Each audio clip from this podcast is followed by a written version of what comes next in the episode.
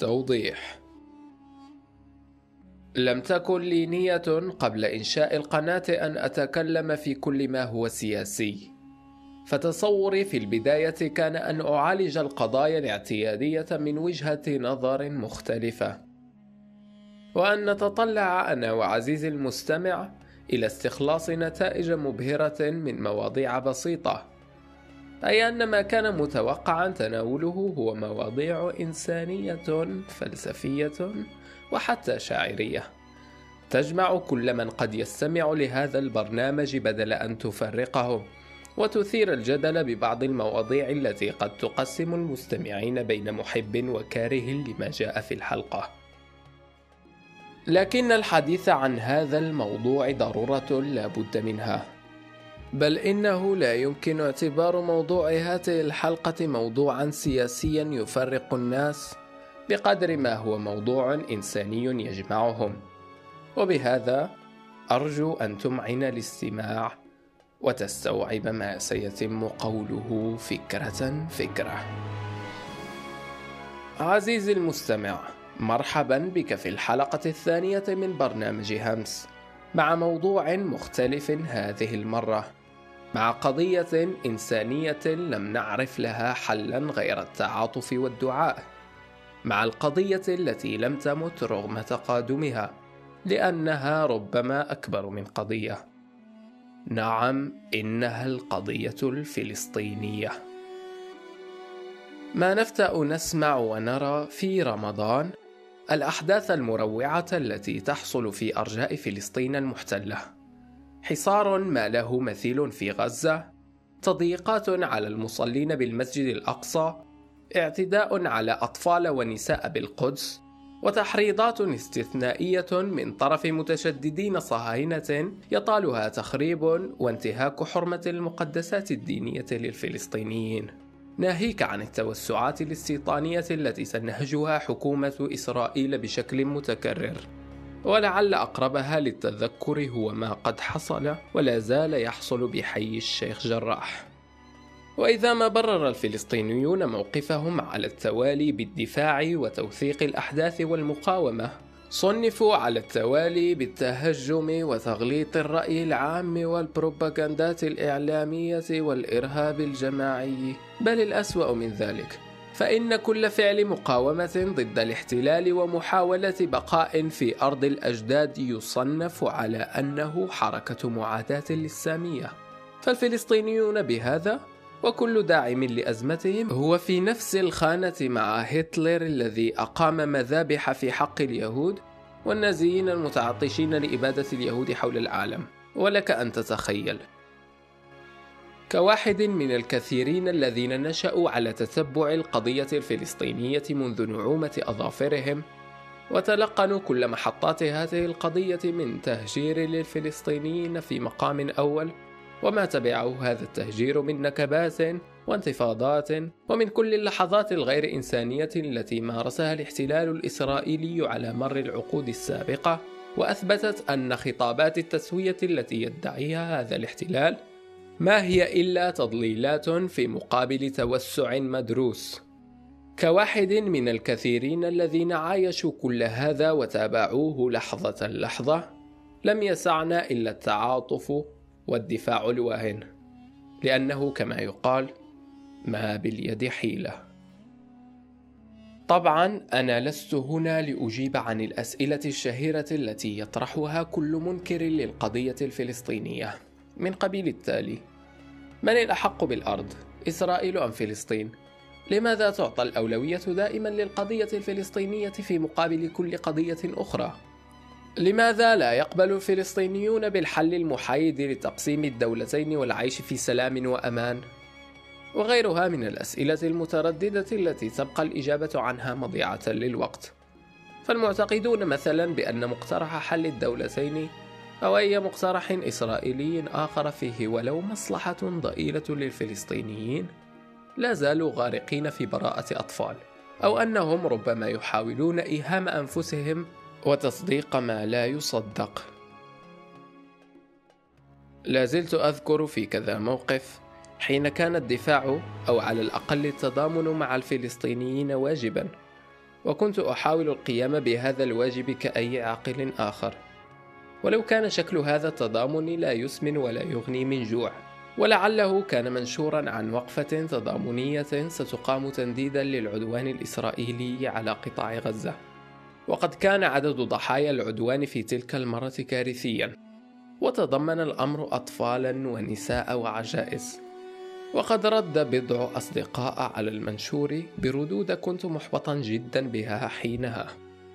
فكانت أجوبتهم مشابهة للأسئلة المتكررة التي طرحتها قبل قليل. من قبيل لماذا لا يقبل الفلسطينيون بحل الدولتين؟ أو أنه يتوجب على كتائب القسام إيقاف المقاومة والاستسلام تجنبا لأي فوضى تحصل لاحقا. وكان أكثر رد قد علق بذهني للساعة هو عن أن الفلسطينيين يجب أن يتوقفوا عن إنجاب أطفال يرغمونهم على العيش في وسط هذه المعاناة. والغريب أن هذا الصديق نفسه صار بعد صدور عمل تلفزيوني خيالي يتضمن فكرة مشابهة رافضا لنفس الموقف. وهذه الفكرة هي أن هناك شعبا يعاني من اضطهاد شعب آخر إذ يعتبرونهم شياطين يجب أن تفنى من الوجود. وكانت فكرة أحد أبطال القصة أن يتوقف الشعب المضطهد عن الإنجاب بشكل تام حتى لا يعاني الأخلاف معاناة الأسلاف. وينقرض الشعب المضطهد تدريجيا. ولك أن تتخيل أن الشخص نفسه الذي كان يدعو لهكذا فكرة صار بعد صدور عمل تلفزيوني مستخدما صوت المنطق والعقل ومخاطبا كل محب آخر لهذا العمل بأن خطة إيقاف النسل هذه ستبيد شعبا عن بكرة أبيه وستحرم أطفالا من الوجود ونسلا من التكاثر والاستمرار. متعاطفا مع شخصيات خيالية أكثر من تعاطفه مع أشخاص من لحم ودم يمرون من نفس المأساة ولحسن الحظ أن هذا الشخص نفسه وأغلب الأشخاص الذين جادلوني في مسألة التضامن صاروا بعد إدراكهم للوقائع مستنكرين للعدوان الإسرائيلي أيضا.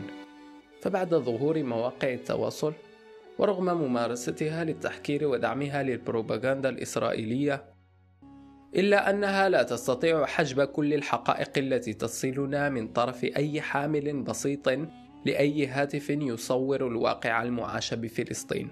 والذي يثبت بشكل بديهي أن ما يحصل هناك هو اعتداء غير مسبوق من طرف كيان غاشم على شعب مستضعف مورست في حقه كل أنواع الاضطهاد والتهجير والإقصاء. خاصة بعد ما حصل في المحاولة التوسعية الأخيرة في الأراضي الفلسطينية والتي طالت الجانب الشرقي لمدينة القدس بحي الشيخ جراح. وما تبعها من تضييقات واعتداءات على مواطنين عزل بالإضافة للاقتحامات المتكررة للمسجد الأقصى وتخريب شعائر المصلين ومناسكهم. فكانت هذه الوقائع بمثابة تذكير آخر لكل من تناسى من تكون إسرائيل وانخدع بصفقة القرن وكل كذبة من كذبات إسرائيل برغبتها في إحلال السلام. إن التصور الحقيقي لدولة إسرائيل تصور مبني على أساس لا مشروع. فبدون التطرق لحقيقة تهجير ثلاثة ملايين من الفلسطينيين من أراضيهم ومنحها لدولة لم تكن موجودة أساسا وكل الحقائق التاريخية الأخرى التي مورست فيها كل أنواع الاضطهاد والإقصاء على الشعب الأحق بالأرض وصاحبها فإن التشريع الذي تقوم عليه هذه الدولة تشريع غير منطقي أصلا. فإسرائيل لا تعتمد دستورا شرعيا وإنما تعتمد في القضايا المحدثة دستورا غير مدون ينبني على القضايا والسوابق. أي أن هناك ارتجالا في الأحكام يسير وفق هوى الحكام والمشرعين فإن كان المدان يهوديا إسرائيلي الجنسية عُمل بناء على مبدأ احترام المواطن ووهبه كل حقوقه دون التحكير عليه وهذه مسألة طبيعية ولا اعتراض عليها. لكن إن كان الواقف تحت ظل نفس الدستور فلسطينيا فلعل حقوق الحيوان حينها أكثر إنسانية من حقوق هذا الفلسطيني المسكين. إنني أذكر أننا لسنا هنا لنقدم حلولا فعلية لمعضلة القضية الفلسطينية. فلو كان بيدي حيلة أو بيد أي شخص آخر منصف لربما كانت هناك حلول تنصف الجميع أو على الأقل تحقق بعضا من مطالبهم لكن الأمر طبعا بيد اللوبي اليهودي الصهيوني وكل حليف آخر له. لكنني هنا للتذكير بأن الأيام لن تنسي ما يحدث هناك وأن قلوبنا ستكون دوما مع الفلسطينيين وأن الذباب الإلكتروني الذي يحاول التميز بمظهر خالف تعرف لن يستطيع بجهله حقيقة ما يحصل إخفاء أو تضليل الوقائع. فمهما قيل ستبقى إسرائيل دولة مجرمة أسست على ركائز دولة أخرى ومارست جميع أنواع العنف الدولي ضد أصحاب الأرض المستحقين لأرضهم. في حين تمارس فصلا عنصريا هو الوحيد من نوعه في العالم والذي يقوم على مبدأ الدين دون سواه. فإن كنت يهوديا متبنيا لمبدأ الصهيونية فمرحبا بك في الأرض الموعودة. جواز سفرك مختوم وأرض منهوبة من فلسطيني مسكين هي الآن ملكك. كل ما يتطلبه الأمر هو أن تصرح برغبتك في الذهاب لإسرائيل. وسينفون عائلة فلسطينية من فلسطين لتحل أنت وعائلتك الصهيونية اللطيفة محلها.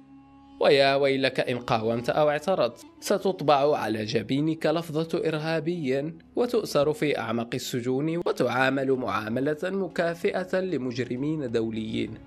ولو كنت مراهقا أو عجوزا كل ما يطلبه هو إمضاء ما تبقى من حياته يرعى شجرة زيتون أقدم من تاريخ إسرائيل كلها.